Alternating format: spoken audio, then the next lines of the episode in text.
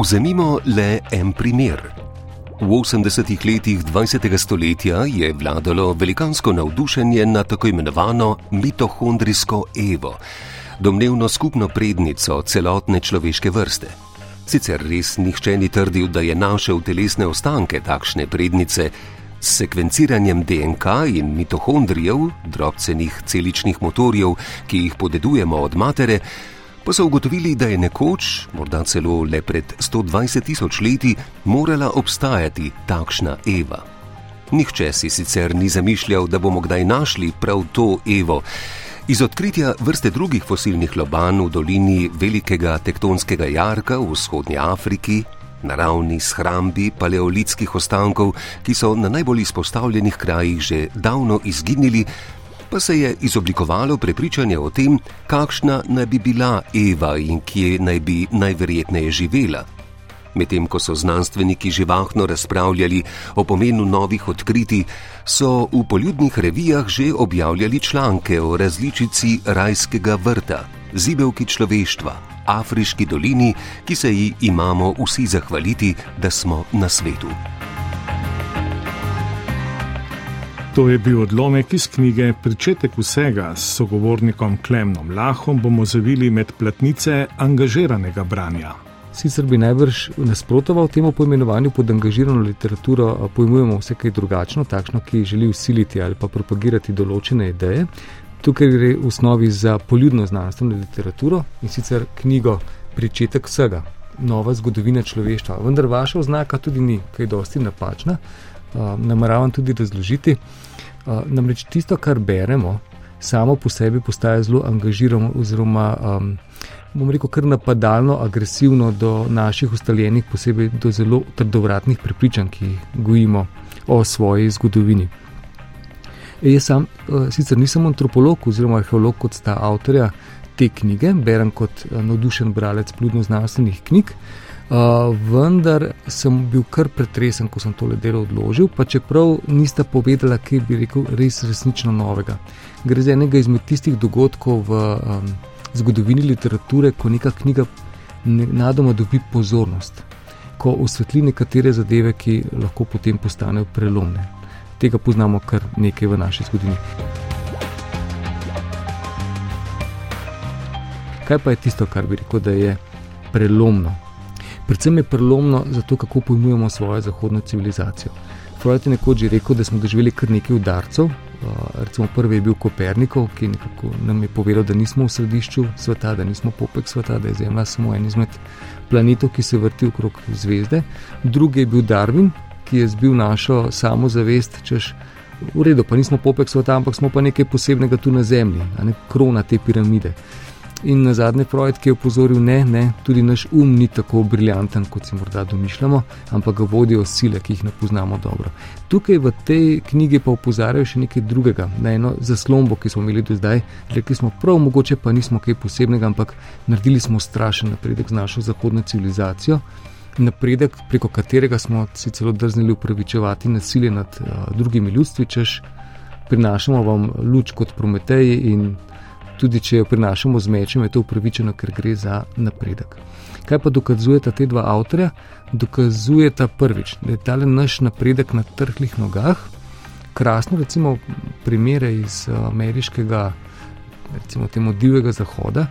Navajata primere, da katerikoli indijanski otrok, ki so ga skušali nasilo ali pa ne nasilo posvojiti, je slej, ko prej, če le imel možnost pobegniti nazaj med svoje ljudstvo, tam se je počutil precej, precej bolje.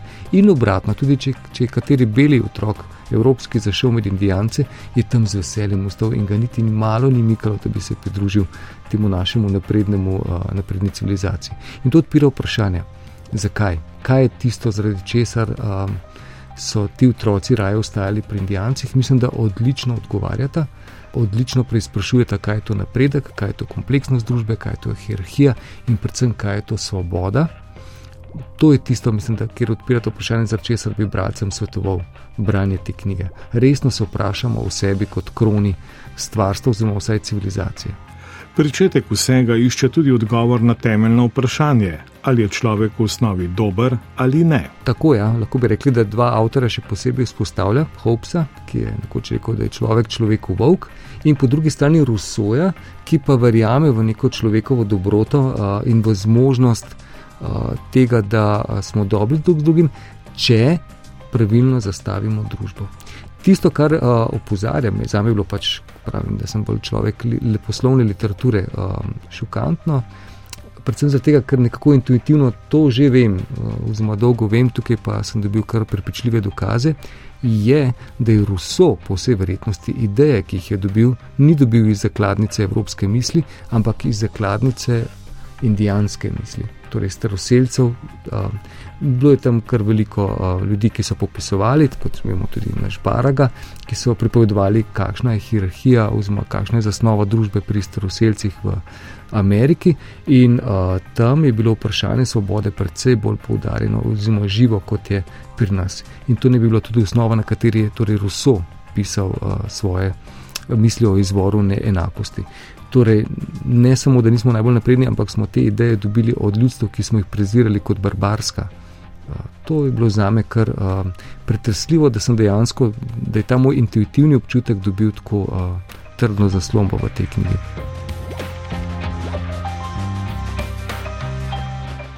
Mogoče ob prebiranju te knjige prav pride tudi kakšna beležka morda kakšen slovar, kakšno pomagalo. Jaz verjamem, da prvo pride kar lasten izvod, v katerega lahko v miru uh, počrtavamo misli in se potem uh, vračamo k njim.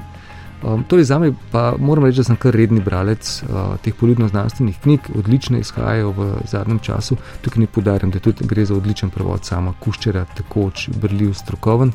Pa se ne spomnim, da bi uh, bila tako močna, morda tudi zato, ker sta avtorja res uh, suverena na svojem področju, torej arheolog in antropolog.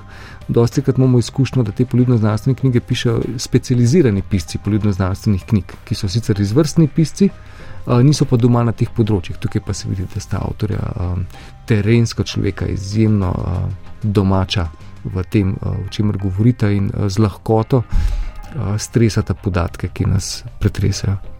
Delo je podprto z mnogimi antropološkimi dokazi in predstavlja intelektualni izziv za sodobnega bralca. Kot že omenjeno, avtorja sta ameriški antropolog in britanski arheolog. Tako, nekaj mi je, ko sem prečel, kdo je to pisal, še prišlo na misel. Ta angažiranost ni naključna. Uh, David Graeber in David Mungrove, en izmed njih, Graeber, je bil tudi uh, član gibanja uh, Wall Street, Occupy Wall Street, torej gibanja, ki je um, zaznamovalo uh, naša um, vsakdanja poročila s tem, da so se izrazito zauzemali, da ponovno razmislimo izvore neenakosti v naši družbi. Kot vemo, žal so kot vsa ta gibanja um, se upehali, šli v pozabo, dediščina pa ostaja. Gibanje Okupirajmo Wall Street je pred desetletjem opozorilo na pohlep enega odstotka človeštva, ki v svojih rokah kupiči bogatstvo in dragocene vere, ter na preostalih 99 odstotkov na drugi strani ločnice. Dediščino in zapuščino so nam pustili, ne ta odstotek je zdaj postal del naše uh, urbane mitologije, s katero se borimo za večjo družbeno enakopravnost. Ta knjiga pa torej ne more skriti te angažiranosti. Nekaj je zanimivo. Ne? Če zdaj gledamo, v 70-ih letih je bil ena najbolj popularnih knjig Dawkins s sebičnim genom in je dokumentiral duh časa, ki je bil takrat. Torej, pohlep je, včasih je bil to smrtni greh, zdaj pa postala glavna vrednota. Tudi uh, ta knjiga je to nekako neoliberalizem podpirala, češ nič nismo krivi, sebični geni nas uh, vodijo. Vse tako se je potem v v splošni družbi prijelo. In zdaj pa prihaja knjiga, ki je pa izjemno senzibilna, lahko skoraj da rečemo, do staroseljcev, prinaša popolnoma novo spoznanje, prinaša novo zavest in nam govori, da to hierarhično stanje, ki ga poznamo, niti približno ni normalno in ni del. Naše uh, kulture, kot si predstavljamo, da so lahko možne tudi po drugačne družbe, uh, gre skozi nekaj tisočletno zgodovino in kaže, da uh, ni samo, ni, samo, ni samo umevno, da velike družbe uh, avtomatično postanejo uh, kompleksne in na to hierarhične, v tem smislu, da uh, dobimo piramido, daleč od tega, da so možne tudi kompleksne družbe, ki so ohranile svobodo posameznika, ki uh, niso gradile na piramidi. Uh, to je z tega vidika osvežujoče branje. Mislim, da je ta knjiga lahko postala ta intelektualni užitek, prav zato, ker se je odprla neka nova zavest. Jaz verjamem, da je tudi posledica tega gibanja okupiramo Wall Street, ki je izginilo, ampak dediščina je pa tu je pri knjigi Pričetek vsega sploh mogoče določiti ciljno skupino bralcev. Ja, pravzaprav je splošen bralec, torej vsak bralec, ki bere poljubno znanstvene knjige. To bi jaz celo po mojem tako, um, osebni izkušnji rekel, da je to izjemno široko področje, celo večje kot je uh, leposlovje.